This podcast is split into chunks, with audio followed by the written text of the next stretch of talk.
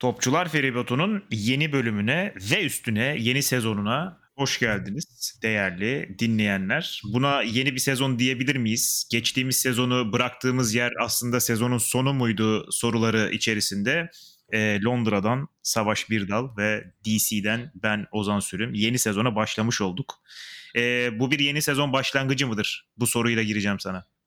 Eğer ilk sezonumuzu böyle bir BBC dizisi gibi kompakt 6-7 bölümlük bir sezon olarak değerlendirirsek bence yeni sezon başlangıcı diyebiliriz. Güzel. Bayağı mantıklı. Ee, yeni sezona tabii e, maçlar başlamadan transferlerimizi falan konuşarak e, girelim diye biraz erkenden giriyoruz. Fakat aslında e, savaşa burada pas atacağım çok daha önemli bir mevzu var. Sezon başlamadan bunu insanlar öğrenmek istiyor dün müydü? iki gün önce miydi? İşte burada MLS All Stars var. E, Arsenal e, ile karşı karşıya gelecekler. Şov maçı. E, orada bilet satan varmış alır mısın diye bir mesaj geldi. İster misin diye bir mesaj geldi Savaş'tan. Dedim ben akreditasyona başvurdum. E, şey yapmadılar. O konuda biraz kırgınım. Dolayısıyla gitmeyeceğim dedim ama aynı zamanda bilet soran insanlar varmış. Bilet nasıl alınır? Hatta bununla bu şey gibi e, Arsenal stadyumuna bilet nasıl alınır vlogu gibi bir şey. Ya çok kısa anlatayım. Çünkü arada soranlar oluyor. Belki podcast'i de dinleyen varsa aralarından e, buradan kompakt bir şekilde bilgiye ulaşmaları daha kolay olur. Bilet almak şimdi öncelikle bir disclaimer olarak bunu söylemem lazım. Geçen sezonun başında bilet almak çok zor değildi. Benim duyduğuma göre de ondan önceki sezonda da insanlar çok fazla problem yaşamamışlar. Yani sezonluk bileti olmadan, kombinesi olmadan insanlar yani gitmek isteyen bütün maçlara gidebiliyormuş neredeyse. Öyle bir ortada e, arz talep e, eğrisi varmış. Ama geçen sezonun başından itibaren ilk 4-5 haftalık süreçte özellikle iyi başladıktan sonra ve e, şampiyonluk konuşulmaya başlandıktan sonra benim tecrübe ettiğim bilet almak her geçen gün daha da zorlaştı ve sezon sonunda son maça eğer ki şampiyonluk iddiası kalsaydı inanılmaz bir şey görecektik. Yani o Wolves maçının biletleri e, hala daha takım liderken City maçı oynanmadan önce hatta oynandıktan sonra da 1-2 hafta inanılmaz meblalara gidiyordu kara borsada. Yani o fiyatları istiyorlardı. Hatta e, konuşmuştuk yanlış hatırlamıyorsam. Böyle 20 bin poundları falan görmüştü yani. O fiyatlara koyanlar vardı biletleri. O yüzden öncelikle söyleyeyim bilet bulmak zor. Yani çok fazla bir de dışarıdan gelen var. Mesela ben e, Arsblog takip ediyorsunuzdur belki. Onun işte Discord kanalına da üyeyim. Bilet kanalı var orada bir tane. Sürekli her hafta mesela Amerika'dan işte geleceğim maçı izlemeye bilet nasıl bulabilirim soruları da oluyor. Yani sadece bilet almak için rekabet etmeniz gereken insanlar oradaki yerel insanlar da değil. Ee, çok kısa şeyden bahsedeyim. 60 bin kişi civarı stat. Herhalde bir 51-52 bin falan kombine var. Onun kalanını da maç başına dağıtıyorlar. E, farklı kontenjanlara. İşte bir kısmını taraftar gruplarına dağıtıyorlar. Eğer herhangi bir taraftar grubuyla alakanız varsa o zaman onlardan başvuru yapması için sizin adınıza rica edebilirsiniz. Diğeri e, Silver Membership dedikleri bu çok uzun süredir üye olanların dahil olduğu bir grup var. Buraya zaten dahil olmak çok zor. Çok uzun süre üye olmuş olmanız lazım. Buraya bir 2500-3000 bilet gidiyor. Orayı zaten unutalım. E, sizin alabileceğiniz iki tane kanal var biletleri. Bir tanesi kulübün sattığı ve direkt gidip internet sitesinden alabileceğiniz Red Membership. Bu Red Membership üye olunca işte 30-35 pound gibi bir bedeli var. Bu maç biletiyle tamamen alakasız. Yıllık üye oluyorsunuz bunu. Aldıktan sonra o yılın Mayıs ayına kadar, sezon bitimine kadar geçerli oluyor. Buraya girdikten sonra bu sezon şöyle bir sistem getirdiler. Maçlardan 5-6 hafta önce bir e, bayağı bildiğiniz lotoya giriyorsunuz yani piyango bileti almak gibi. Çok fazla talep olduğu için geçen sene çok sıkıntı çıktı. 6 hafta önce giriyorsunuz buraya bilet başvurusu yapıyorsunuz. Sonra size başvuru yaptıktan 4-5 gün sonra bir mail geliyor bilet aldınız veya alamadınız şeklinde. E, bu birinci yöntem. Yani buradaki şans mesela geçen e, şey başvurusu vardı. Sezonun ilk maçının başvurusu vardı. Nottingham Forest maçı. Başvurdum ben çıkmadı mesela. Şeyi de yazmışlar. Kaç kişi başvurdu kaç bilet verdik. %12 şansınız varmış. Yani bu bir ihtimal. Eğer ki iki kişi gitmek istiyorsanız ve yan yana oturmak istiyorsanız bu muhtemelen tek ihtimal. Onu söyleyeyim. Çünkü e, bir sonraki yöntem şimdi bahsedeceğim yöntemde iki tane yan yana bilet bulmak imkansız. Ben henüz denk gelmedim yani bir yıldır uğraşıyorum.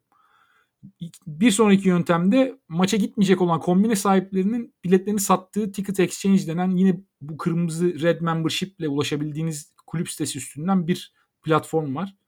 Buradan şansınızı denemeniz lazım. Buradan şansınızı denemek dediğim şansınızı sonuna kadar zorlamanız lazım. Yani burada bayağı 2-3 saat bekleyip sitede sürekli refreshleyip bir şey düştüğü anda saniyesi içerisinde almanız lazım ki çoğu zaman bir şey düşse bile başkası almış oluyor sizden önce. Geçen seneki ortam bu. Bu sene de çok farklı olacağını zannetmiyorum takım eğer çok kötü gitmezse.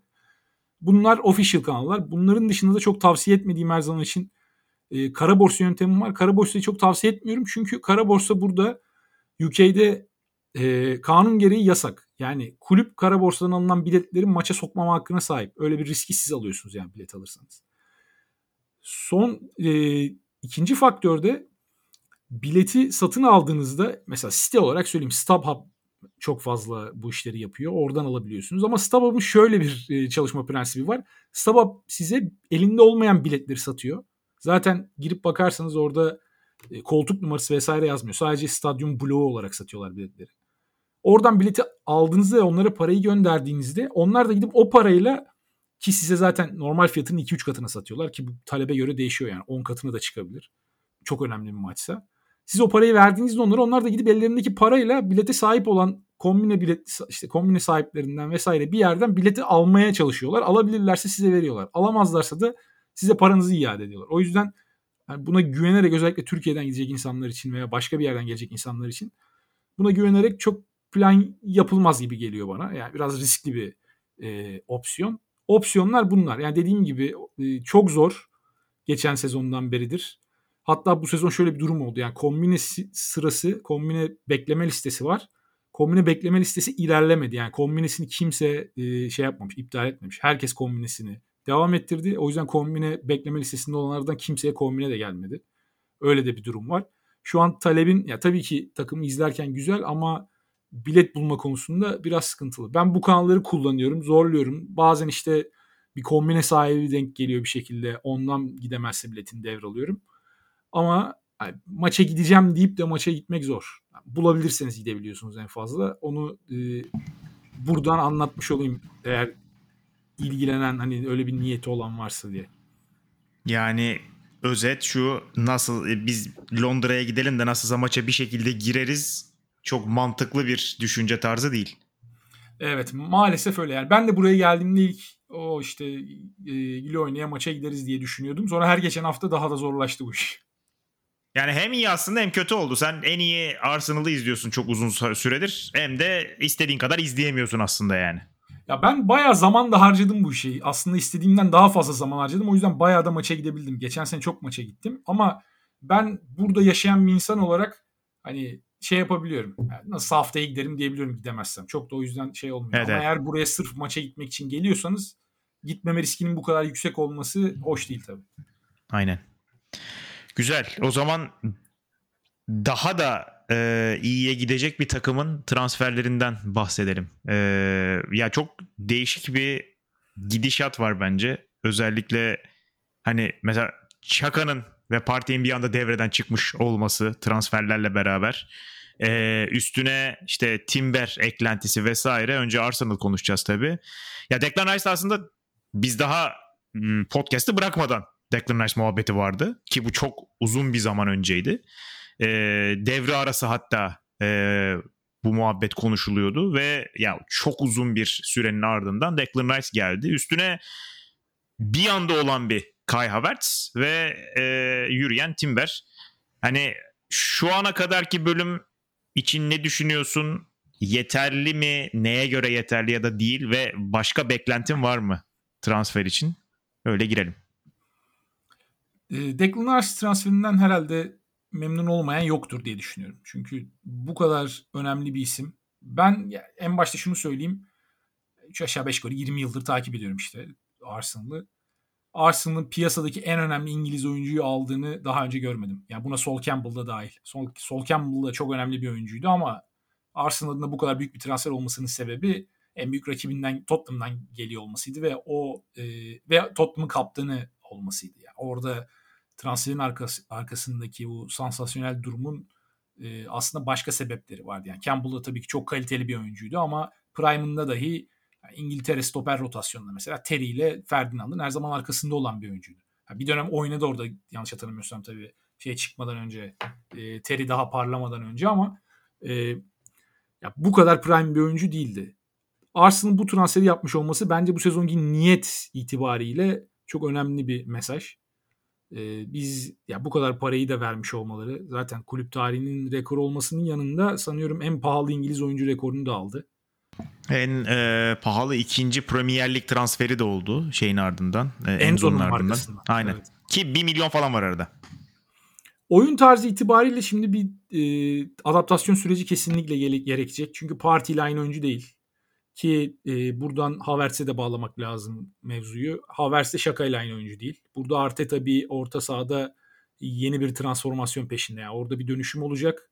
Ki burada benim beklentim takım çok daha ofansif ve oyunu önde oynayan bir e, görüntüye bürünmesi. Çünkü Arteta'nın da yaptığı röportajlardan hatta e, şeyde söylemişti bunu yanlış hatırlamıyorsam. Havertz alındığında kulüp sitesindeki açıklamada orta sahamız için çok önemli bir opsiyon demişti mesela. Havertz ilk imzayı attığında Havertz için söylenen acaba kanatlarda mı oynayacak işte Jesus'a mı alternatif olacak? E, oralar için bir derinlik opsiyonu muydu? Ama 65 milyon pound verilen bir transfer olması onun da o da çok büyük bir meblağ. E, direkt oynayacak oyuncu olduğunu açıkçası işaret ediyor ve sol 8'de Şaka'nın hücumda yaptıklarının bence büyük kısmında yapabilecek tarzda bir oyuncu. Hani fiziksel olarak da benziyorlar aslında. Hatta Havertz e, Şaka'ya göre topla daha böyle e, narin bir oyuncu. Yani Şaka kadar düz bir oyuncu değil. Şaka biraz daha e, manevra için zaman gereken bir oyuncu. Daha kamyon profilli bir oyuncu. Havertz oralarda daha etkili olabilir. Ama tabii işin öteki tarafında, savunma tarafında özellikle de ön tarafta e, oyunu kurarken topu kaptırdığında veya işte e, baskıdan e, rakip baskıyı açtığında, orta sahadaki baskıyı açtığında arkada daha büyük boşlukların oluşması demek bu şakanın yerine orada Havertz'in olması. Çünkü Havertz daha atak e, özellikli bir oyuncu. E tabi burada da Declan Rice devreye giriyor. Yani Declan Rice'da da tahminim çok daha geniş alanları kapatabilen, çok daha e, atlet partiye göre ki parti de fena değil o açıdan ama parti aslında fiziğinin gösterdiği kadar e, yırtıcı bir oyuncu değil yani. Kırılgan bir oyuncu ki sakatlıklarından da bunu görüyoruz. Çok fazla sakatlık yaşadı son 2-3 senede ve uzun dönemler boyunca da takım ondan e, yoksun kaldı. Bu da tabii ki geçen sezonki düşüşün de bence etkilerinden bir tanesiydi. Yani geçen sezon sakatlanmadı ama son 10 haftada çok kötü bir parti izledik. Hatta en sonunda yerini de Jorginho'ya kaybetti. Ee, ilk 11'deki yerini bile kaybetti. O yüzden orada çok daha net bir şekilde güvenebileceği bir ismi arıyordu Arteta. Ee, onu bekliyorduk açıkçası. Ve partiyle alakalı zaten çok konuşmadığımız başka e, etmenler de var. Sağ dışı etmenler de var. Ondan artık yani bu hikayeyi kapamak ve yeni bir sayfa açmak istedi Arteta. Şu an için partiyle alakalı teklifler olduğu özellikle Suudi Arabistan'dan ama takımın e, satmaya niyeti olmadığı söyleniyor. Ben çok inanmıyorum açıkçası. Eğer istedikleri para gelirse muhtemelen partiyle de yolları ayırıp onun da yerine böyle Lavia tarzı daha genç Rice yedekleyebilecek bir oyuncu alırlar diye tahmin ediyorum. Ee, dediğim gibi Rice burada bambaşka bir Arsenal izlememizi sağlayacak. Bu iyi yönde mi olacak? Yani ben iyi yönde olacağına inanıyorum. Kötü yönde mi olacak? Onu artık e, hazırlık süreci biraz sonrasında Community Shield, e, Premier Lig'in ilk haftaları oralarda göreceğiz. Ama Arsenal çok ihtiyaç olan bir yere transfer yaptı. Çünkü takımın genel itibariyle profiline baktığımızda hep 23, 24, 25 yaşlar civarıydı. Takımda göze batan bu açıdan iki tane oyuncu vardı. Bir tanesi Şaka, bir tanesi Parti. İkisini de daha genç ve prime'ına çok yakın oyuncularla e, aslında takaslamış oldu bu yaz döneminde ve oraya da önemli bir yatırım yaptı yani. Önemli isimler alındı. Bu sezon yine görünen o ki şampiyonluğa oynamak istiyor Arteta. Geçen seneyle en büyük farkı da geçen sene hiçbir beklenti yoktu. İlk dört çok büyük bir başarıydı ama bu sezon bu transferlerden sonra şimdi herkes bambaşka bir gözle izleyecek Arsenal'ı.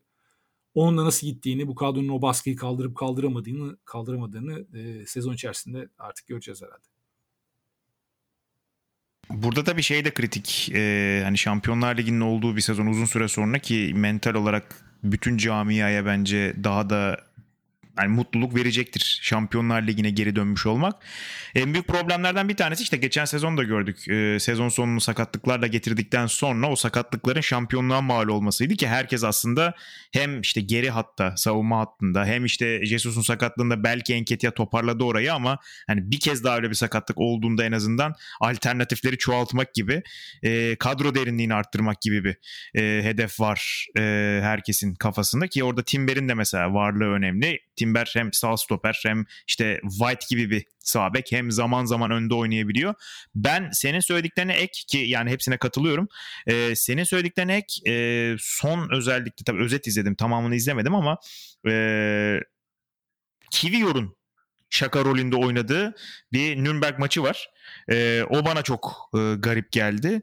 E, Kivior mesela senin söylediğin o Havertz'in ön tarafta şakadan daha iyi işler yapabileceği şaka rolünde fakat geride şakanın yaptıklarını yapamama e, muhabbetinde tam tersi bence. Kivior hani stoper özellikle olarak şakanın e, savunmada özellikle işte Zinchenko'nun boşalttığı sol bek tarafını kapatma e, konusunda daha mahir olabileceğini, ileride daha problem yaşayabileceğini e, gösteren bir oyuncu onun yine o rolle oynaması belki hani stoper alternatifi değil de artık Kivior bir şaka rolü alternatifi gibi e, geldi bana. Kafasında belki o var. Timber'in de gelişinden sonra. E, herkesin mesela söylediği bir şey var. Hani Arsenal'ı kapatmadan önce onu sorayım sana. E, ya şu anda mesela işte Enketia iyi gitti. Özellikle başta Jesus'un yokluğunda iyi gitti. E, fakat e, bir noktada tıkandı tabii kalite olarak. E, oraya bir Folarin Balogun en azından şimdilik kampta ki geçen sene inanılmaz bir performans çıkardı ki o üçlünün bence en iyi bitiricisi. Ön taraf sıkıntı yaşar mı sence? Hani tıkanma, gol atma konusunda tıkanma e, yaşayabilecek bir e, Arsenal görüyor musun seneye? Gol atma konusunda çok sıkıntı olacağını zannetmiyorum. Çünkü Havertz'in de işin içine girmesiyle ben onun da yani şakanın rakamlarının altında kalacağını zannetmiyorum. O da muhtemelen en kötü ihtimalle bir 8-9 gol atar orta sahadan. Ee, zaten Arsenal'ın sistemi Santrafor'un tek Santrafor'un gol atmasından ziyade etrafındaki oyuncuların da işin içine katılımıyla beraber Odegaard, Saka, e, Jesus'un kendisi, Martinelli solda işte orta sahadan gelen e, şimdi Havertz olacak. Kenardan gelen Trossard gibi yine skorer bir opsiyon var. Enketia işte 3-5 tane atar sezonda. Bunların hepsini topladığında zaten 80 küsür gol yaptı geçen sene. O yüzden gol atma konusunda sıkıntı olacağını zannetmiyorum. Ama profil olarak e, kapanan takımlara karşı özellikle orada fiziksel bir santrafora farklı bir opsiyon. Eldekiler çalışmadığında orada ortalığı karıştıracak ve rakip ceza sahası içerisinde kaos yaratacak bir adama bence ihtiyaç var. Ya bu adam aslında Balogun mu ondan da çok emin değilim. Balogun da daha ziyade e, rakip savunma çizgisinde oynayan, arkaya kaçmayı seven, açık alan seven türde bir oyuncu yani. Rimes de e, o tarz bir oyun oynadı benim izleyebildiğim kadarıyla. O yüzden Balogun da o profilimi çok emin değilim. Hatta Balogun şu an hype'ının zirvesindeyken ve böyle 40-45 milyon poundlar teklifler alabilecekken ben satılmasına çok karşı değilim. Ya Balogun'u seviyorum aslında ama anladığım kadarıyla okuduğumuz haberlerden gördüğümüz Balogun kalmak istemiyor. Yani Balogun e, Enketia gitse dahi ikinci opsiyon olduğu bir yerde olmak istemiyor. Balogun ben oynamak istiyor. santrafor olacağım yerde oynamak istiyorum e, gibi bir kafaya sahip. Ona da saygı duymak lazım. Yani 21-22 yaşında yetenekli de bir oyuncu. Giderse e, kendisi açısından daha kötü olacağını kimse iddia edemez bence doğru takımı seçtiği sürece. O yüzden orada bir fırsat var. Onu belki de değerlendirirler. Onu değerlendirirlerse bir santrafor transferi daha olabilir bence. Daha farklı bir profil. Benim dediğim tarzda bir profil. Aynen katılıyorum. Yani bir de e, şey sıkıntısı hep oluyordu ya City'de oynarken de Jesus. Hani kritik maçlarda bitirme problemi. İşte Şampiyonlar Ligi'ni o yüzden kazanamıyor muhabbeti olmuştu City ve Pep. İşte Haaland geldi o işi çözdü geyikleri falan oldu. Mesela Jesus'un e, çok net fırsatları döndükten sonra sakatlıktan değerlendiremediği yerler oldu ve onun da hani daha bitirici bir alternatifi olmadığı için işlerin biraz sarpa sardığı yerler oldu. Dediğin gibi başka bir profil belki en azından e, 80'den sonra suya atmalık bir profil e, belki Arteta'nın da işini hani bir tık daha kolaylaştırabilir. Cezası olmasaydı mesela %100 isteyeceğim isim Ivan Tony'ydi. O, tam, o, tam o profil yani. Tam evet. o işleri yapabilecek bir adam. Hem de e, Arsenal'a büyük transferi yaptıktan sonra Brentford'dan kariyerinde ilk defa çok ben yedek kalmayı da problem edeceğini zannetmiyorum. Yani. Tam o tarzda bir profil. Yani Şampiyonlar Ligi'ne koyarsın oynar. E, ligde kesinlikle iş yapar.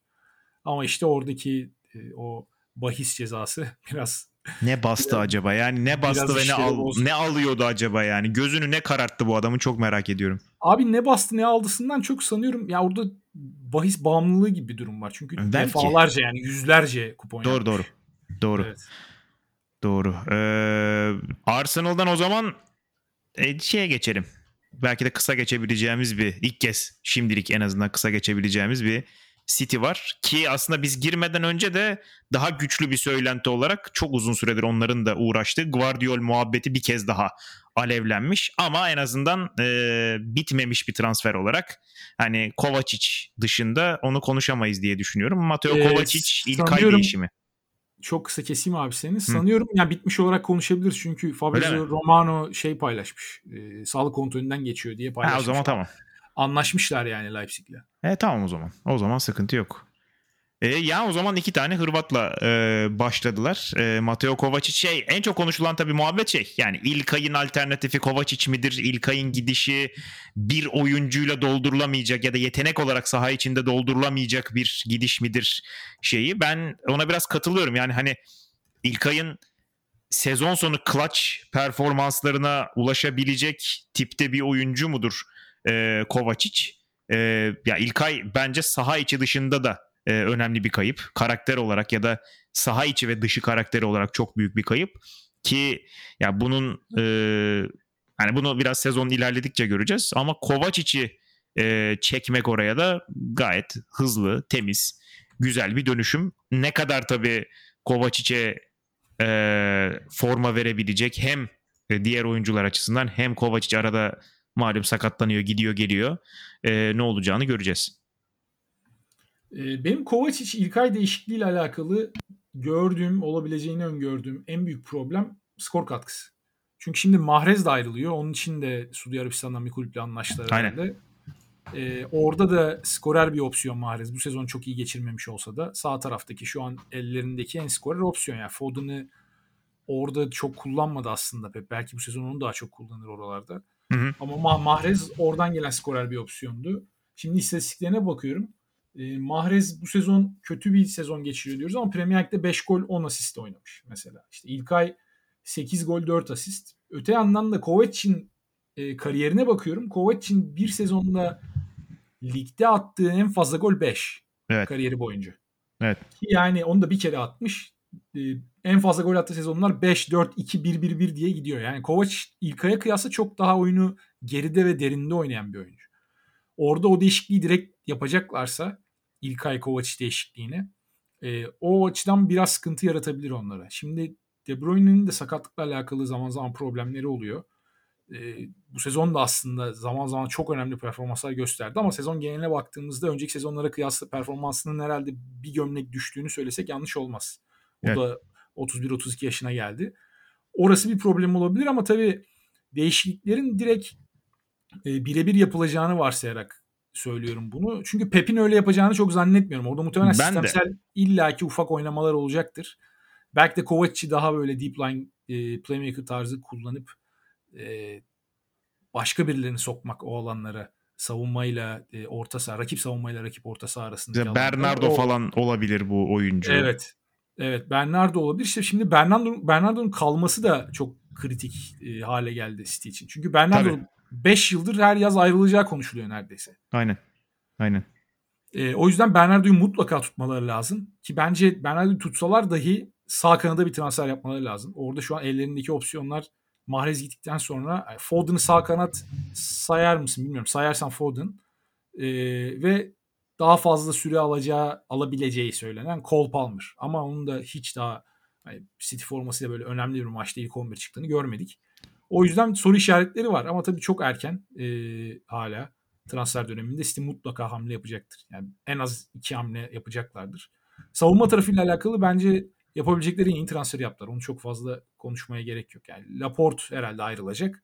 Laporte'un yerine şu an dünyada alabilecekleri yükselişte olan sol ayaklı stoperler arasında en iyi oyuncuyu aldılar ki tam da aslında şey profiline de çok uyuyor. Yani e, Nathan Ake'yi bu sezon sol bek gibi kullandı. Guardiola'dan da bir sol bek çıkarabilir. Aynen. Ve yani z- zirveye doğru giderken alıyor oyuncu. Şey gibi ben biraz ona benzetiyorum. Mesela Ruben Diaz da öyle zirvede olarak gelmemişti City'de. City ile beraber daha da büyüdü, devleşti. Guardiola da biraz e, öyle bir oyuncu ki yani tabii Bundesliga'da çok izlememiş olabilir e, dinleyenler. İşte Dünya Kupası'nı hatırlayanlar ol- olabilir ki o dönemde daha konuşuluyordu zaten devre arası bitecek falan diye transfer.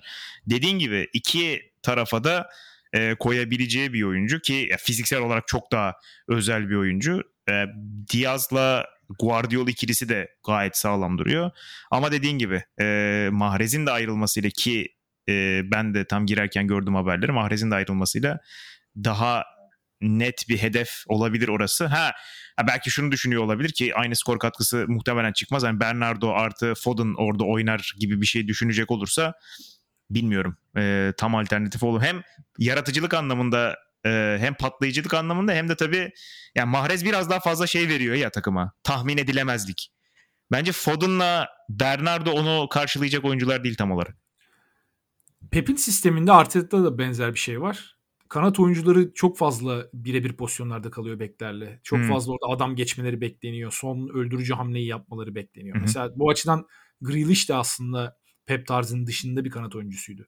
Orada işte Sané'yi vesaireyi kullandıktan sonra mesela ben Grealish'i sol açıktan ziyade Pep'in bir ondan 8-10 hibridi yaratmak için aldığını düşünüyordum. Ama orada e, yani yanlış görmüşüz demek ki. Orada Pep ondan iyi bir kanat oyuncusu yarattı. Bu sezon Grealish fena oynamadı. İlk sezondaki e, performanstan sonra beklentileri o kadar büyük paraya transfer olup çok karşılayamamıştı ama bu sezon onun biraz üstüne çıktı. Hala skor katkısı olması gerektiği yerde olması da öyle bir takım için. Sağ tarafta şimdi bir Grealish tarzı profil daha takımı çok e, tahmin edilebilir hale getirebilir. Öyle bir risk var. Yoksa Bernardo sahada oynadığında kötü oynamıyor. Bernardo sağ için iyi bir oyuncu ama Bernardo Mahrez'den ziyade Grealish tarzına daha yakın.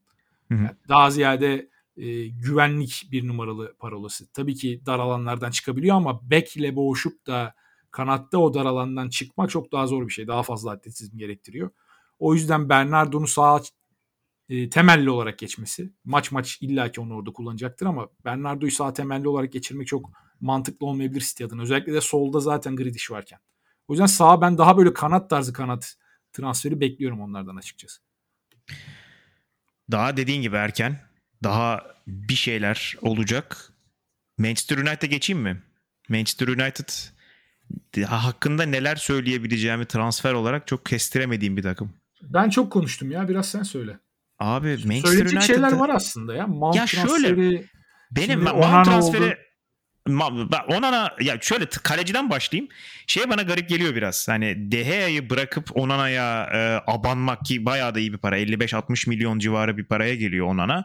E, şeyi görüyorsun orada. Ben ayağı olan bir kaleci e, rica ediyorum sizden demiş. E, ama hani e, Dehea'yı bırakıp Onana'ya gitmek ki bence Manchester United'ın şu anda çok daha net bir 9 numara ihtiyacı ya da ne bileyim e, Santifor ihtiyacı varken oraya parayı gömmek üstüne bir de Mount gelmişken biraz bana enteresan geldi. Yani önceliktir tabii ki e, onu bilemeyeceğim.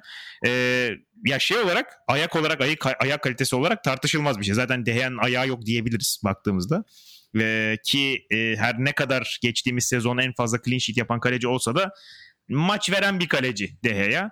Ee, belki Onana kendine olan güveninin biraz abartılı olduğu noktalarda Deheya seviyesinde maç verebilir ama hani ayak olarak tabii ki çok daha üst düzey. Ee, Mason Mount transferi bence gayet iyi oldu özellikle şeyden dolayı. Yani Zabitzer'den tam böyle verim alamadılar zaten kalmadı. Ee, üstüne Eriksen'in yaşlandığı bir nokta e, da hani Mason Mount özellikle önerdiği pozisyon hani 8 oynuyor işte 10 oynuyor eğer e, mesela tra- transferi gelmezse ve Rashford öne atılırsa ki bence biraz saçma sol önde ya da Lampard geldiğinde sağ önde de oynatmıştı galiba Mount'u. Ya Mount hakikaten e, her takımın jokeri olabilecek ve yani joker olarak verimliliği de hiçbir noktada neredeyse daha az olmayan bir oyuncu. Dolayısıyla bence her teknik direktörün kadrosunda görmek isteyeceği bir isim ki yani bir tık para olarak belki fazla bilmiyorum bana öyle geldi ama e, hakikaten çok iyi bir e, Joker. E, biraz şey garip geldi. Johnny Evans bir tık tuhaf geldi. E, muhtemelen o da beklemiyor. Şey gibi oldu böyle. Yani 38 yaşında kalecinin son kontratı gelsin 3. kaleci olarak beklesin transferi gibi e, geldi bana Johnny Evans. Evans Ama, bu arada şey abi e, yani sezon için değil ya hazırlık kampını herhalde sadece onlarla beraber. Kısa geçelim. dönem o mu? Ben 6 aylık zannettim kontratı. Yok yok herhalde muhtemelen başka bir takıma imza atar. He, antrenmanlara gelsin muhabbet o zaman. Evet evet. Şeyi gördüm zamanını görmedim. Kısa süreli kontrat ben herhalde 6 aylık falan diye düşündüm. 2 ay e, yanlış görmediysem. E, değişik o zaman güzel. E, ama Manchester United hala eksiği olduğunu söylemek herhalde garip değil. Bir numaralı eksik zaten senin söylediğin ön tarafta net bir santrafor diye bağırıyor takım. Yani orada bu sezon kimi denedilerse olmadı. Sezona Ronaldo ile girdiler. Ronaldo ile Ten Hag kapıştı. Sonra Weghorst'u aldılar devre arasında. Weghorst da zaten o seviyenin oyuncusu asla değil. Yani hiçbir skor. Martial bir ara oynadı sonra yok oldu doğal olarak. Martial oynadığı zaman fena değil ama işte oynadığı zaman oradaki terimi kilit. E, Aynen. Sezonun, sezonun Oynadığı zaman çok az. Evet 38 maçın herhalde 10'unda 15'inde en fazla Martial'e güvenebiliyorsun. Evet. Rashford'u ileri attığın zaman da bence verimi düşüyor. Rashford Evet, her evet. zaman için solda tercih ederim önde oynamasındansa. Evet. Ee, ya o forvetle alakalı piyasada alabilecekleri makul bir isim olmamasından ötürü bence oradan vazgeçip parayı başka bölgelere aktarmayı tercih ettiler. En azından dışarıdan görünen bu. Mesela Kane'i almak istiyorlardı. Ama Kane'i e, Daniel Levy herhalde bir Premier League takımını satmak için çok fahiş fiyat istiyor yani bu belli. Evet. Çünkü e, sanıyorum 100 milyon pound'dan fazla para istiyor Bayern'den dahi ki Levy eğer ki Kane'i bir e, Premier League takımına satarsa, United'a satarsa taraftarından göreceği tepki Kane'in Bayern'e gideceği durumdan çok daha fazla olacağı için e, Evet. haliyle Tottenham da bunu istemiyor. O yüzden fahiş fiyat çekiyorlar. E, diğer doğal adaylardan bir tanesi mesela Osimen inanılmaz bir sezon geçirdi. Onu da 120, 130, 140'lardan aşağı alamayacaksın gibi duruyor. Evet. Ki Napoli e, satmak da istemeyebilir. Zaten Kim Min-jae'yi sattılar. E, öyle olunca ön tarafa çok da fazla opsiyon kalmıyor aslında. Gelir ve United'ı bir tık yani United'ı seviye atlatır diyebileceğin çok fazla adam kalmıyor. O yüzden paranın başka pozisyonlara harcanıp şimdi orası için mesela daha ucuz bir opsiyon olarak Hoylund konuşuluyor. Yani Hoylund da büyük bir risk, çok genç bir oyuncu. Atalanta'da e, daha bir sezon oynadı ve orada zaman zaman göze çarptı ama asla Kane'in veya Osimhen'in geldiğinde yaratabileceği potansiyel bir katkıyı yaratabilecek bir oyuncu değil kısa vadede. Uzun vadede olabilir. Onu göreceğiz, zaman gösterecek. Ama o yüzden herhalde ön taraftan vazgeçip parayı başka bölgelere dağıtmayı tercih ettiler. Tabii Mount'a sözleşmesinin bitmesine bir sene kalmışken bu kadar büyük para verilmeli mi? Ee, Onana Yani işte kale- biraz biraz fazla geldi bir tık. ya Onana iyi bir kaleci ama 55 milyon kaleciye verir misin? Geçen sezon bedavaya Inter'in aldığı bir kaleciye 55 milyon verir misin? Bunlar tabii güzel sorular. Ama şeyi de ak- akılda bulundurmak lazım. Transfer piyasasındaki özellikle özellikle pre- e, Premier Lig transfer piyasasındaki fiyatlar biraz artık Türkiye'deki enflasyon gibi yani neyin pahalı neyin ucuz olduğunu çok anlayamıyorsun. E, o yüzden yani Declan Rice da mesela 105 milyon eder mi bir ön libero deniyor ama yani iki sene sonra belki de bir ön, ön libero 130 milyon edecek. Aynen. O yüzden yapabiliyorken bu transferleri ne pahasına olsun olursa olsun yapmak bazen e, takımların karlı çıkmasını da sağlayabiliyor. Mount transferi tutarsa kimse 60 milyona e, burun kıvırmaz. Onana için Aynen. aynısı geçerli ki Onana bence United'ın oyununu unlock edebilecek oyunculardan bir tanesi. Geriden top çıkarmakta çok zorlanıyorlardı. E, savunma hattında Ten Hag'ın oyun stiline alışkın haliyle eski takımından gelen Lisandro Martinez var. Ama savunma hattının gerisi çok böyle topu geriden pasla e, çıkarabilecek yani City veya Arsenal tarzı oyuncular değiller. Buna Varane da dahil ki yani aralarında en iyisi muhtemelen o. Luke Shaw kaliteli bir bek. Teknik kalitesi iyi ama o da kariyerin büyük çoğunluğunu o tarz oynamadı.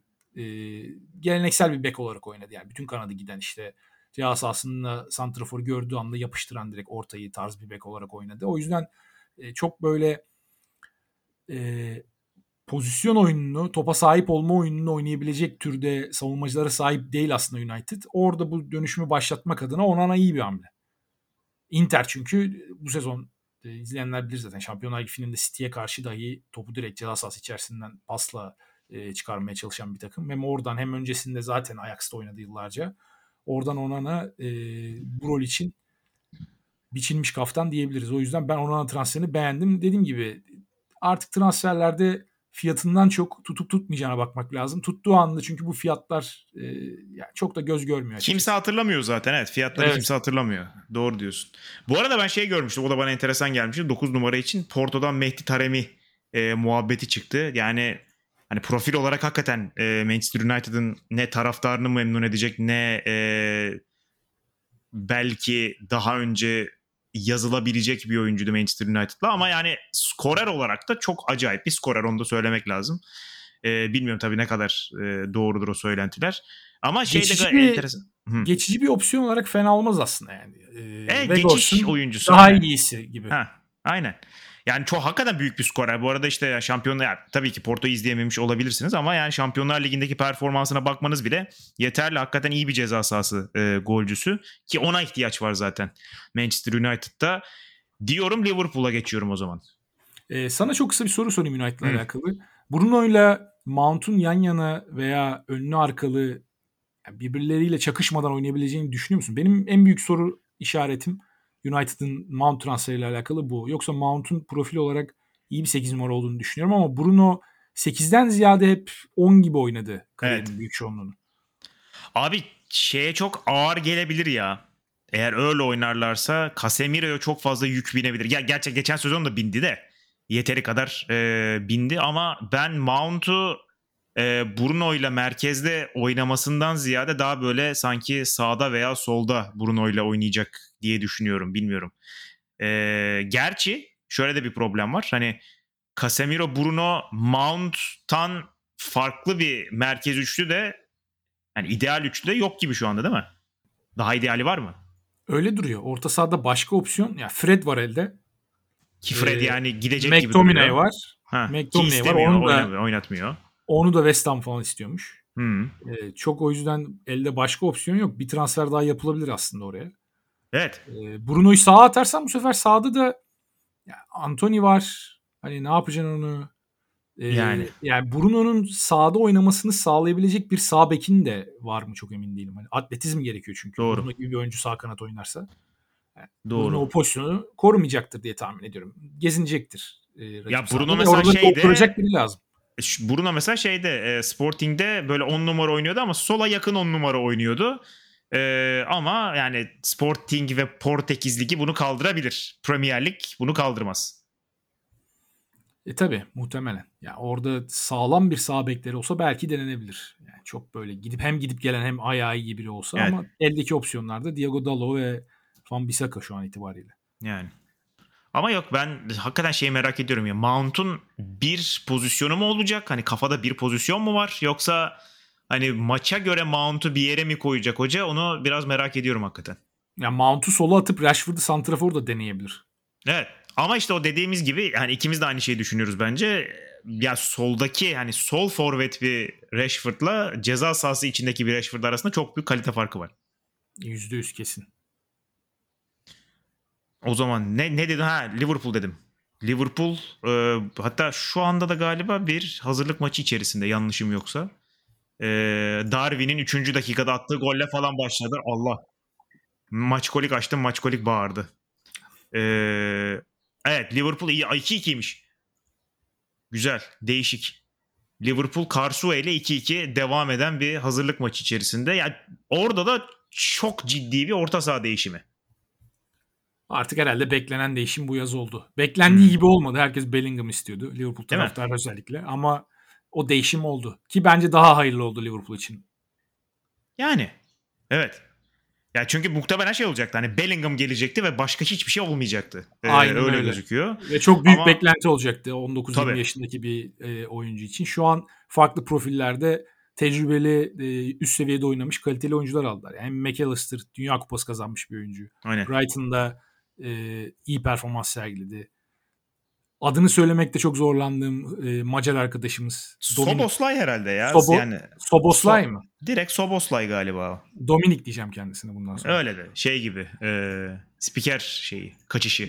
Dominik kardeşimiz biraz e, biraz istikrarsız ama skoru var. Topa müthiş vuruyor. Yani gerçekten çok Acayip e, bir ayak abi. Acayip bir o ayak açıdan. yani. Evet. O açıdan da direkt füze çıkarıyor ayaktan. Aynen. O açıdan sevdiğim bir oyuncu. izlemesi keyifli bir oyuncu.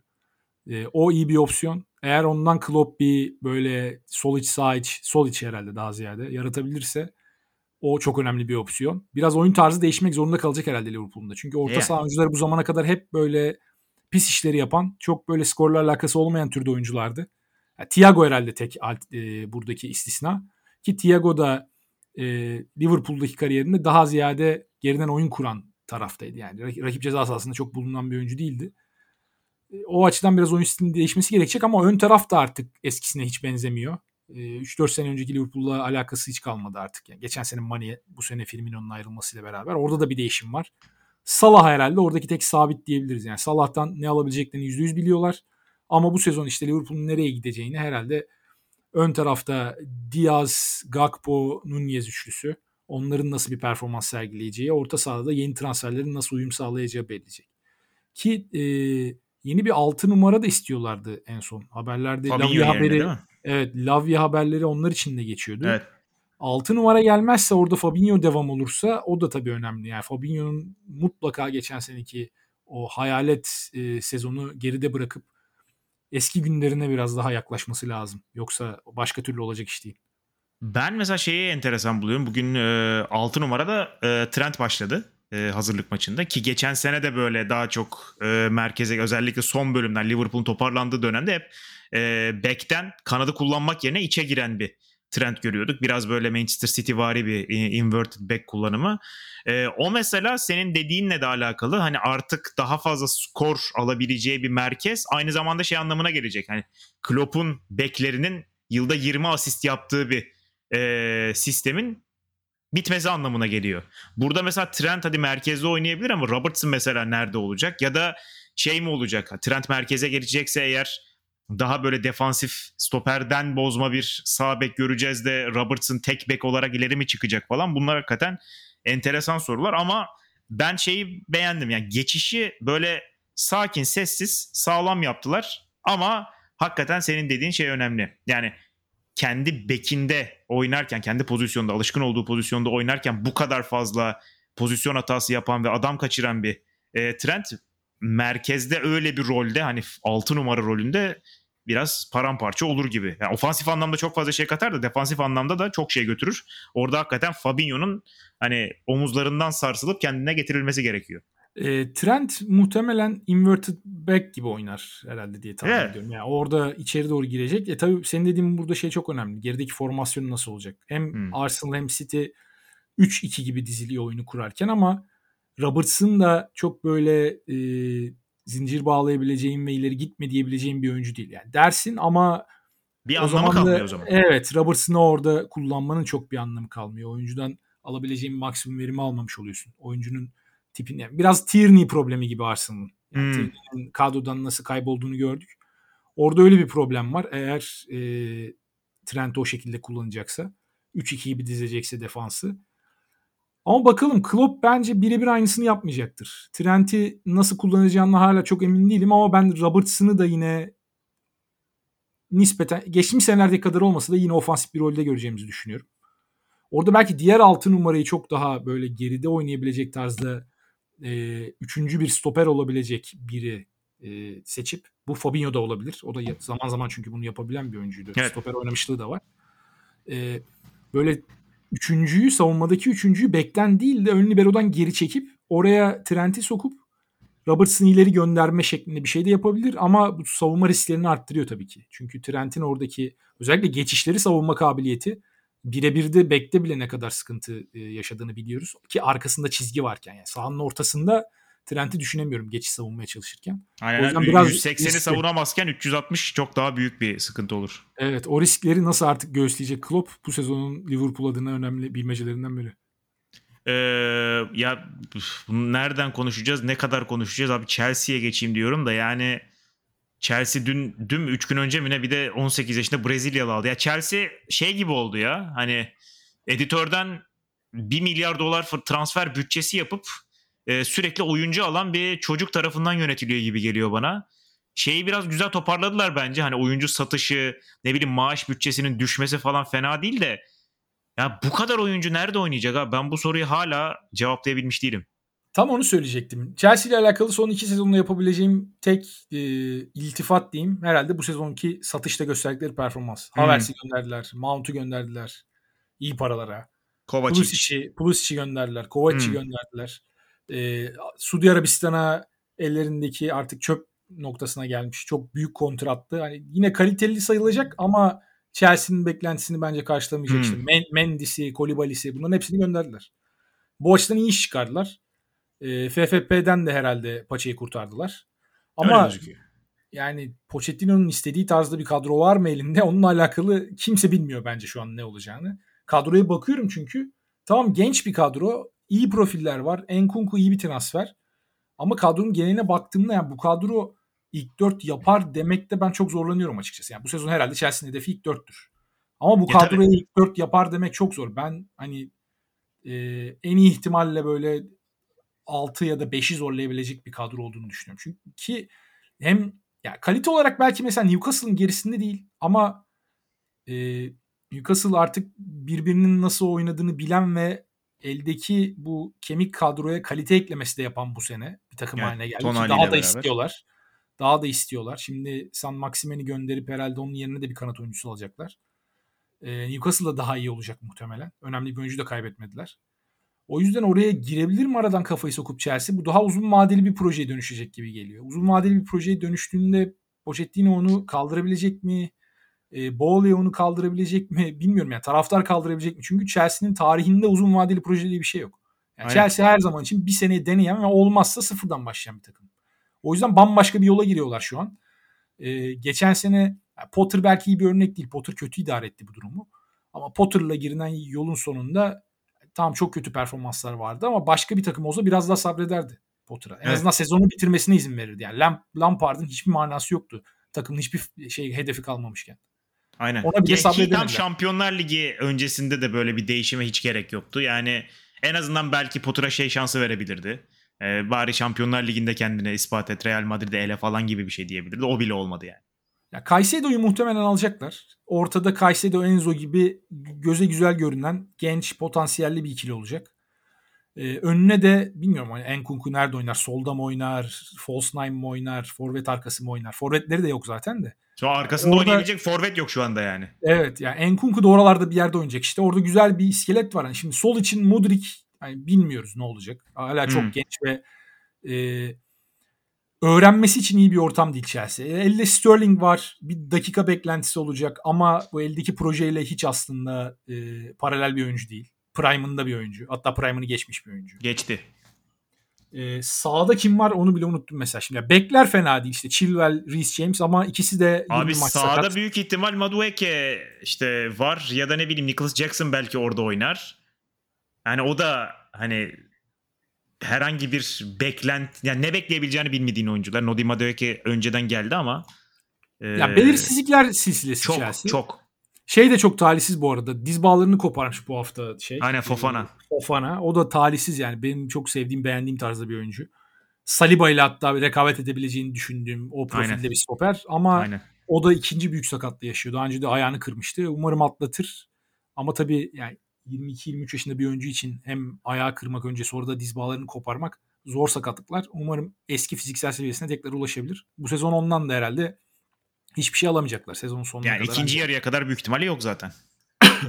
O yüzden büyük bir belirsizlik var ve ne olacağını öngörmek çok zor Chelsea ile alakalı. Evet. Yani çok iyi bir ihtimalle böyle Pochettino mucizeler yaratırsa ilk dördü zorlayabilirler. Belki sürpriz bir e, eğer diğer takımlardan da bir düşüş gelirse United'dan, Liverpool'dan, e, Arsenal'dan hadi ben olacağını düşünmüyorum da öyle bir düşüş gelirse belki zorlayabilirler orayı.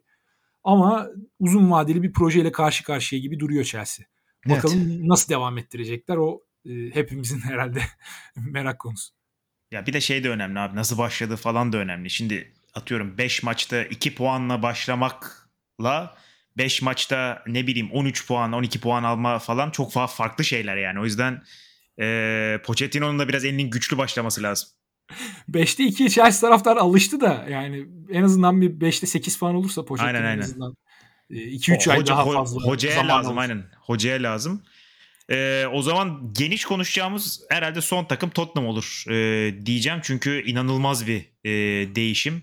Ki e, değişimin en büyük parçası da yani geldi gelecek gibi duruyor. Kane'in artık gidecek mi gitmeyecek mi sorusu değil nereye gidecek sorusu daha çok ön plana çıkıyor ki Bayern olacak gibi e, gözüküyor da. Ama yani mesela benim özellikle bayağı beğendiğim bir ekleme James Madison böyle Eriksen gittiğinden beri Eriksen arayan bir takım için bence Madison hem yani geçen sezonlarda Madison'ın ve Leicester'ın yaptıklarından dolayı Madison'ın tekrar zirveye çıkma isteği var. E aynı şekilde Tottenham'ın da e, sıfırdan tekrar başlayıp zirveye yürüme isteği varken bence gayet iyi bir ekleme oldu orada. Madison iyi bir ekleme ama yani bu profildeki yine Chelsea benzeri geçiş sürecinden e, geçen bir takım için bence Madison iyi bir ekleme. Hem skor yaratır orada. Tabii, Tottenham'ın uzun süredir olan yaratıcılık krizine ilaç olabilecek tarzda bir oyuncu. Orta sahadan yaratıcı bir oyuncu bulan, bulma konusunda büyük sıkıntı yaşıyorlar. Yani bu bazen tercihten ötürüydü Conte döneminde. Orta sahada Conte çünkü hep böyle dinamik destroyer'la işte box to box arası tipler tercih ettiği için işte Hoybjerg'i box to box'a çevirdi mesela işte. Bentancur orada tercih etti. Ama bunlar teknik kapasite olarak Tottenham'ın rekabet ettiği takımlarda o pozisyonda oynayan oyuncularla yarışabilecek oyuncular değillerdi hiçbir zaman.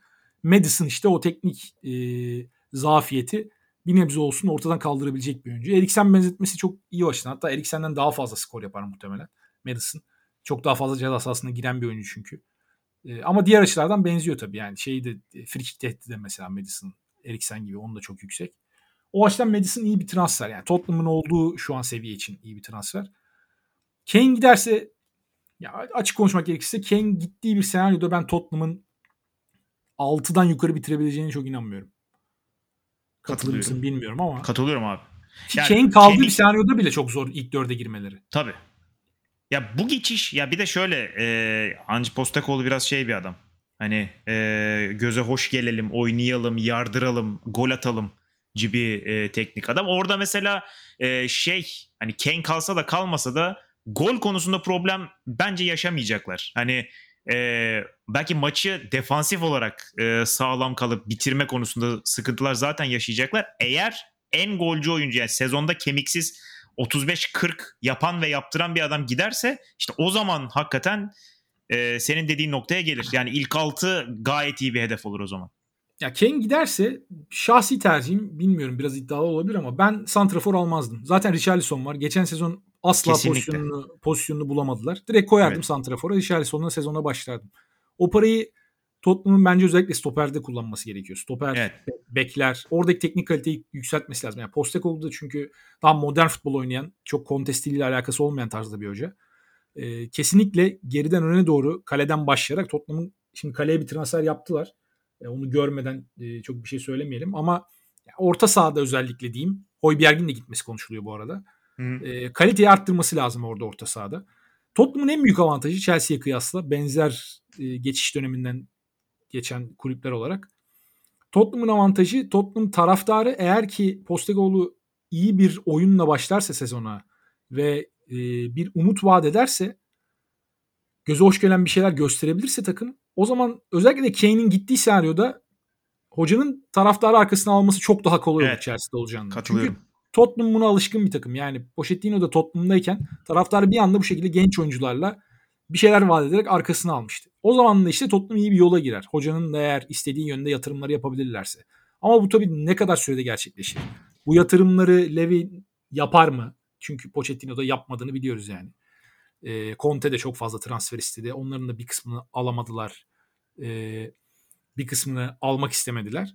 O yüzden yönetimin hocaya koşulsuz şartsız destek verip vermeyeceğini de göreceğiz. Ama dediğim gibi hocanın taraftarı arkasına alması bence eğer işleri iyi başlarsa işte ilk 4-5 haftada biraz güzel oyun, 3-4 galibiyet gibi başlarsa Tottenham o zaman daha kolay olur onlar adına işler ve bu projenin en azından devamının geleceğini öngörebiliriz. Evet. Ama tabii şu an için Chelsea ile benzer pozisyondalar. Özellikle de Kane'i kaybederlerse çok büyük bir belirsizlik olacak orada da. Çok büyük bir skor yükünü dağıtmaları gerekecek. Ee, Richarlison ne yapabilir kötü bir sezondan sonra? Son geçen sezon beklentilerin altında kaldı. O eski seviyesine çıkar mı? Sağda Kuruşevski de ilk geldiği yarım sezonda çok iyi oynamıştı. Geçen sezon hiç alakası yoktu onunla. O yüzden orada o skor yükünü birilerinin e, ya artık çıkıp müthiş bir performans sergilemesi ya da aralarında dağıtması gerekecek.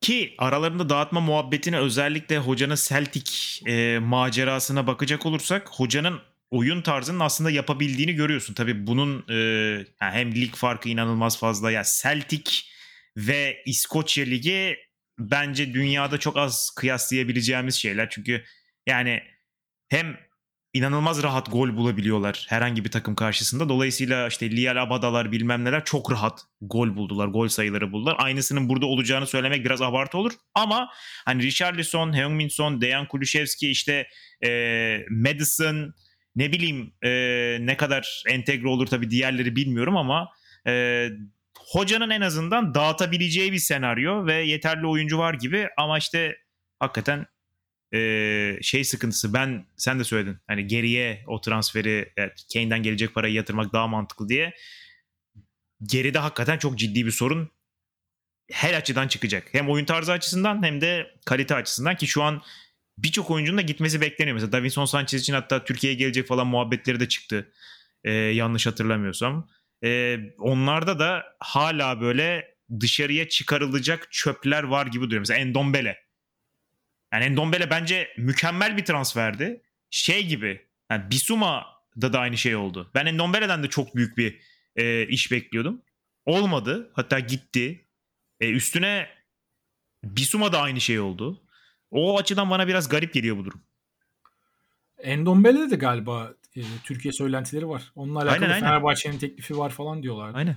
Aynen. Endombele'de ben Spurs'u çok suçlamıyorum. Biraz oyuncunun karakteriyle de alakalı bir sorun var galiba orada. Hiçbir hocayla çünkü Evet. anlaşamadı. Kendini kimseye beğendiremedi. Herkes yeterli eforu göstermediğinden bahsediyordu. E, gittiği kiralık gittiği hiçbir yerde de tekrar o Lyon Bir tek Lyon'da yaklaşamadı. oynayabildi işte. O da yani herhalde evi diye yani. Başka yapacak bir şey yok.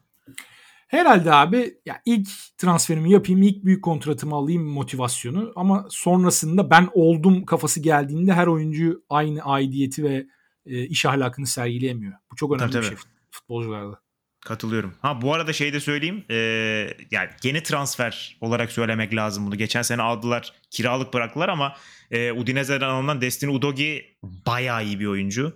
Yani hem müthiş bir atlet hem üstüne bence oyun zekası bayağı yüksek. Müthiş bir fizik falan. Hakikaten çok değişik bir oyuncu. Bu sene büyük ihtimalle e, bayağı süre alır. Ben Udogi'yi hiç izlemedim. Senin fikrine güveniyorum o açıdan. Hangi pozisyonda oynayacak sence? Abi yani direkt aslında şöyle normalde üçlünün e, kanat beki olarak en iyi yerinde oynuyor. Çünkü hani hem defansif hem ofansif e, çok kaliteli şeyleri var. İkisi de tam diye zaten 20 yaşında tam olması mümkün değil. E, o açıdan hani mesela geçen sezon şey e, o pozisyona alınan adam Perişic'ti. Böyle kanat bek oynasın savunma eksiklerini kapatırız o bize skor katkısı versin diye. Mesela onu çok daha iyi yapabilecek bir oyuncuydu Udogi. Artık bilmiyorum hocanın kafasında ne var. Ama bu sezon da üçlü oynamayacaklar herhalde. Postecoglou Evet. da çünkü 4-2-3-1 Aynen. oynuyor. Dörtlü oynuyor. Aynen. Dörtlü oynuyor. Dörtlü de mesela biraz zayıf kalabilir. Ama hani atletizmde kapattırırız onu falan diyebilirler mi bilmiyorum. Abi ellerinde dörtlüde zayıf kalan 3 tane sağ bek var şu an. Çok iyi arkadaş Değil mi? olurlar bence. Evet. Jet Spence, Porro. Aynen. Udogi de yanlarını alırlar.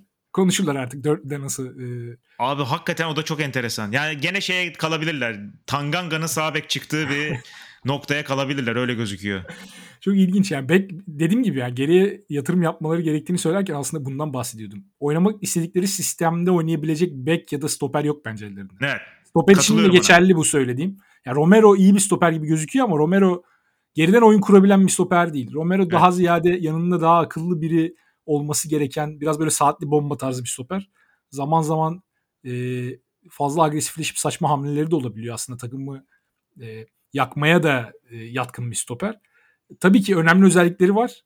Gerçekten ya, yırtıcı ve e, gününde olduğu zaman yani birine kafayı taktığı zaman onu bitirebilecek tarzda bir stoper. Ama modern futbolun stoperi mi tam anlamıyla Postecoglou'nun ne oynatmaya çalışacağını da göreceğiz tabii de.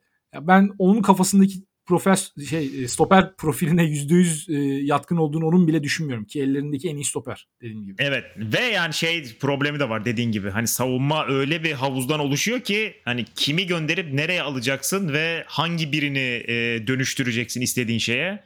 Hakikaten bayağı büyük bir çorba var orada. Zaten gerisinden hiç bahsetmiyorum. Yani Langley işte geçen sene kiradaydı. Şimdi Hmm. yakar top oynuyorlar Barcelona'yla. Kimin elinde kalırsa onda patlayacak şeklinde. Hmm. Hiç Tottenham da istemedi herhalde tutmak kadroda. Ee, Eric Dyer yani hala Tottenham'da oynuyor olması gerçekten bir mucize. Eric Dyer'ın menajerini falan arayıp e, Daniel Levy'yi arayıp teşekkür etmesi lazım. Bir de şey gibi ya Erik Dyer. e, bir hafif bayrak adamlık da oldu. Hani buradan da dönemiyorlar artık. Tottenham'ın bayrak adamı Erik Dyer oldu ya baktığın zaman. Abi bir ara ölmüştü. Ya, tamamen yedek kalmıştı. Hiç kadroya giremiyordu. Hangi Hmm. dönemde? o? Mourinho dönemi miydi? Yoksa Pochettino'nun son dönemi miydi? Sonra bir şekilde ne olduysa çok kötü transferler yaptılar ve Dyer dirildi. Oynamak zorunda kaldı. Üçlüye dönünce özellikle. Mourinho onu şey olarak kullandı ya neredeyse. Antrenmanda söylediklerimi anlat falan gibi şey e, Portekiz'de yetiştiği falan için öyle bir muhabbetleri vardı yanlış hatırlamıyorsam. Ama dediğin gibi şeyde Ee, Conte'nin ilk döneminde mi ne? 19-20'de kim varsa artık baktım şimdi. Ee, ha Pochettino'muş tamam. Pochettino başlamış, Mourinho'ya geçmiş o dönemde. O dönemde Aynen kaybetmiş. orada orada tamamen e, yerini kaybetmişti ilk 11'deki. Evet. Şimdi buradan takım takım değil transfer transfer sor- soracağım sana. Ee, iki tane orta saha. Bir Tonali zaten ondan bir az önce bahsettin. Yani lige ya şu, şu açıdan hakikaten çok acı verici bir şey. Özellikle Serie A severler için. Hani Milan'dan e, Newcastle United'a kaçmak durumu hakikaten çok üzücü bir şey. E, ama yani bazı gerçekler var. O gerçeklerin de karşısında duramıyorsun. Şampiyonlar Ligi'nde ve Newcastle'da oynamak için de Tonali gelir buraya yani. Tonali'nin Newcastle'da geçirdiği ilk günün videoları düştü Twitter'da. Onu izledin mi? Bayağı bir olay Şey oldu. eşinin eşi mi kız arkadaşımın şey, Aynen. ne kadar küçük lan burası gibi bir şey diyor. Hiç halinden memnun değil gibi gözüküyordu da tabii ilk günden şimdi yargılamamak. abi Milano'dan Newcastle'a gitmek de şimdi yani ha, Google'a da yazmışındır abi yani. Yani Türkiye için şöyle söyleyeyim İstanbul'dan herhalde Konya'ya gitmek gibi bir şey o şekilde düşünebiliriz. Bu arada bir şey diyeyim de o kadar kötü bir şehir değil ya. Ya bence o kadar kötü değil. Ee, de, şey kenarı suyu falan var. Ee, ne bileyim he, şey sıkıntısı yaşarlar. Muhtemelen hiçbir şey anlamayacaklar insanların söylediklerinden. Kuzey aksanı çok acayip çünkü çok kalın. Ee, ama yani Milano'dan oraya geçmek biraz tabii sert olmuş olabilir. Abi şöyle ama şimdi Tonali'nin çok İngilizce bilmediğini düşünürsek ilk defa orada ekspoze olacaksa Ha. İngilizceye o zaman İngiliz'i tam bir Geordie aksanıyla öğrenip de direkt o şekilde konuşmaya da başlayabilir. Çok komik Doğru. bir kombinasyon böyle bir füzyon görebiliriz yani. Doğru doğru. E mesela şey inanılmaz mı? Sen görmüş. Gerçi daha önceden konuşuyordu büyük ihtimalle. Ruben Diaz bayağı e, Mancunian konuşuyor ya. Ya şeyde de var biraz mesela. Klopp'ta da böyle hafif skaz var yani. Ha. İşte abi sürekli aynı şeyi duyuyorsun. Muhtemelen Aynen. bir yandan ağzın kayıyor ona. Ee, ikinci soracağım şey. e, bu tabii daha kötüsü oldu benim için. Yakından takip ettiğim Lans işte e, Seko Fofana gitti e, Suudi Arabistan'a. Fakat Ruben Neves de gitti mesela yani. Ruben Neves'in gitmesi e, bana hani bana biraz korku saldı öyle diyeyim. O da gidiyorsa demek ki ileride daha büyük sıkıntılar çıkacak. Ya Suudi Arabistan projesi 4. 5. veya 10. yılını görürse herhalde futbolu bildiğimiz haliyle artık göremeyeceğiz. Yani orada bir güç dengesinin değişimi olacak kesinlikle. İlk seneden onu hissettirdiler. Evet. Alınan isimlerin hadi kariyerinin belli bir noktasına gelmiş e, isimler arasında çok önemi yok açıkçası. Kante'nin Suudi Arabistan olmasa başka bir yere gideceğini tahmin edebilirdik. Aynen. Benzema'nın. Daha önce de gördük böyle böyle transferler. İşte Katar'a giden oldu, Türkiye'ye gelen oldu, MLS'e giden oldu. Aynen. Ama Ruben Neves, e, işte Fofana senin dediğin gibi bu tür oyuncuların Milinkovic mesela Savic. aynen Milinkovic Savic, e, Musa Diaby bu tip Aynen. oyuncuların Diaby gerçi olmadı daha da olma ihtimalinin ol, olduğundan Oluyor gibi bahsediliyor. duruyor. E, bu tip oyuncuların Suudi Arabistan'a gidebiliyor olması büyük bir tehdit tabii Avrupa futbolu için.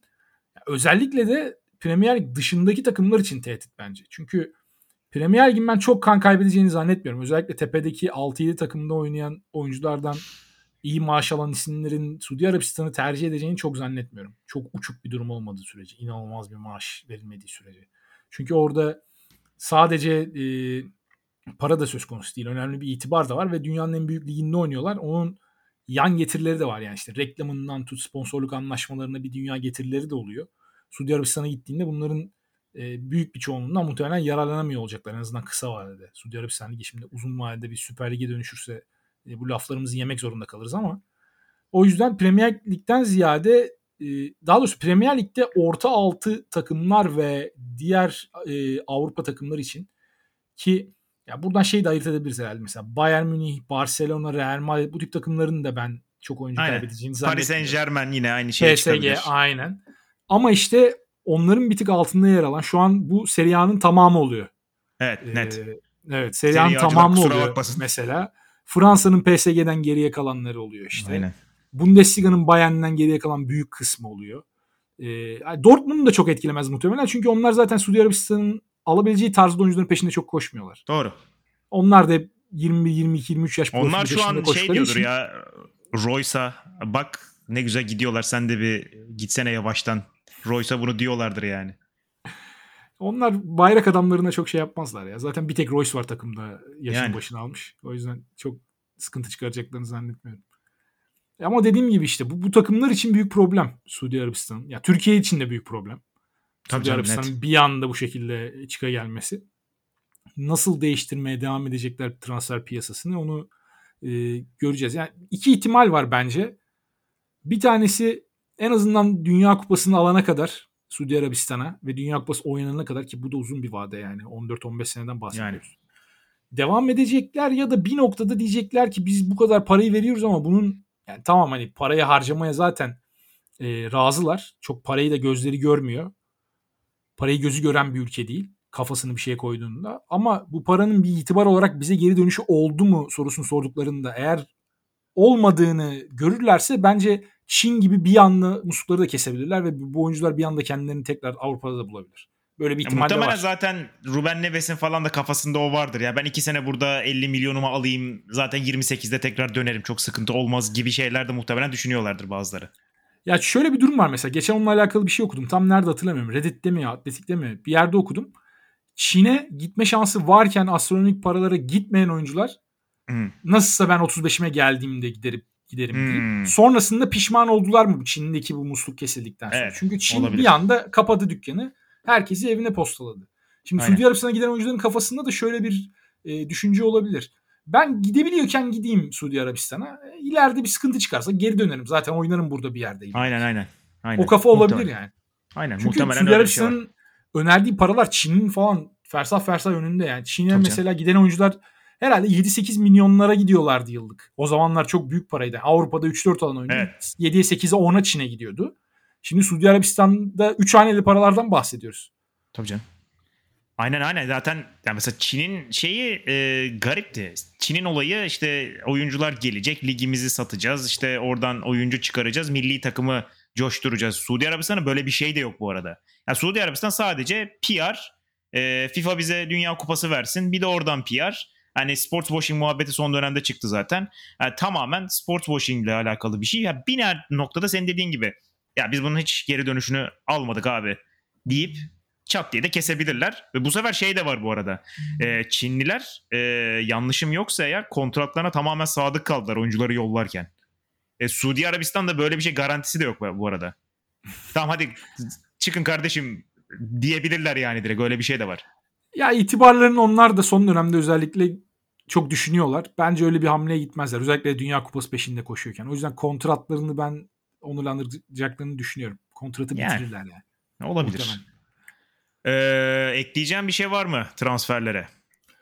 Valla West Ham'ın Rice parasını e, çarçur edeceğini düşünüyorum. O biraz beni üzüyor. O kadar para verdik. 105 milyon pound az buz para. değil. Bari düzgün Biraz- kullanın. Aynen bari düzgün kullanın. O kadar uğraştırdınız. 2 ay e, uğraştırdınız. Bari düzgün kullanın parayı diyesim geliyor. E, onun dışında da açıkçası herhalde konuşulmaya değer her şeyi konuştuk. Ha, Aston Villa fena değil. Hmm. Bence eğer ki Emery'nin ikinci sezon laneti böyle Arsenal'da olduğu gibi Aston Villa'yı da çarpmazsa, oyuncuları bir anda kaybetmezse Aston Villa iyi olabilir gibi geliyor. O 6-7 bandını bu sezon zaten oralarda bitirdiler. Orayı sürpriz bir şekilde yine zorlayabilirlermiş gibi geliyor. Pau Torres transferi dikkat çekici bence. Aynen. Ee, Ben Emery- şey diyeceğim. E, Burnley'nin iki transferini de beğendim. Hem Jordan Bayer hem e, Zeki Amduni. Gerçi Zeki Amduni'nin böyle bir buçuk iki sezonu var. Hani acaba direkt olarak şov yapar mı burada bilmiyorum. E, fakat yani son dönemin en böyle lap diye çıkan patlayan oyuncusu. Hem milli takımda inanılmaz başladı. Hem geçen sezonu acayip geçirdi. E, bir de Premier Lig için tam böyle şey. Hani daha genç ama e, fiziksel olarak da e, teknik olarak da bayağı e, oturacak bir oyuncu gibi geliyor bana. E, güzel de para vermişler gerçi. Ben bu arada şey yeni öğrendim. Zeki Amduni'nin e, babasının Türk olduğunu yeni öğrendim. Hatta U21'de oynamış bizim. Aa, ben de şimdi şeyde gördüm ya. Transfer Market'ta e, Milliyet bölümünde hem İsviçre hem şey var. Aynen. İsviçre mi o? E, Şey İsviçre, Tunus, Türkiye. Ha çünkü isimden de bayrağı bir an İsviçre bayrağını Tunus bayrağına benzettim. Harbiden o da varmış yani. Ben görmesem de. Var var. Ya enteresan bir oyuncu. Bir de şey de ben merak ediyorum. Yani düşen Burnley ile çıkan Burnley arasında e, vizyon farkı yani 180 derece kompany ile beraber. Hakikaten enteresan bir takım olacak onlar da. Bu arada bayağı bir demirbaşlar da duruyor aslında. Geçen sezon çıkarken kadrolarına Tabii, baktım tabii. ben bir iki maçı da izleme şansım oldu. Yani o eski Şandaş kadrosundan bayağı da bir adam var aslında. Tanıdık Aynen. gelecek isimler var. Ee, Burnley'nin nasıl bir oyun oynayacağını Premier Lig'de ben de çok merak ediyorum. İki numaraya da hatta belki de bir numaradır bilmiyorum. Kapalı kutu Luton Town. Gerçekten kimsenin hiçbir fikri yok çok ne olacağına kapalı dair. kutu abi. Aynen çok, Çok, kapalı çok acayip kutu. bir şey. Yani stadyumundan kadrosuna kadar ki çok önemli bir transferleri de olmadı herhalde şimdiye kadar. Abi Tate Chong'u almışlar yani şeyden kovulan e, United altyapısından kovulan Tate Chong'u almışlar. O kadar yani 5 milyon e, 4.7 milyon euro en büyük transferleri şu ana kadar. Hmm. Çok merak ediyorum ne olacak. Yani umarım böyle zamanın meşhur derbisi gibi büyük bir facia olmaz işte 10 puan alıp e, düşme gibi. Abi ben de ondan korkuyorum. İnşallah öyle bir şey olmaz hakikaten. O ligin biraz keyfini bozuyor ya o tip durumlar. E öyle abi yani şeye bakıyorsun. 3 puan yazıp geçe ya Premier Lig'de 3 puan yazıp geçebileceğin bir şey olmamalı hiç kimse için. Hocam ligin marka kalitesini, marka değerini düşürmeyin. Yani. Aynen marka değerini düşürmeyelim. Doğru. Sonra şey falan diyecekler. Yani ya işte bak Luton Town'a bak La Liga'da bilmem ne yapamaz. Hemen karşılaştırma gelecek. En sevmediğim şey benim. Hiç sevmiyorum onu. Hiç sevmiyorum. Ee, o zaman yavaştan e, ilk programı kapatalım. Yeni sezonun ilk programını kapatalım. Kapatalım. Bir saat dedik. Bir saat 10 dakikayı gördük. İyi bir Aynen. performans bence.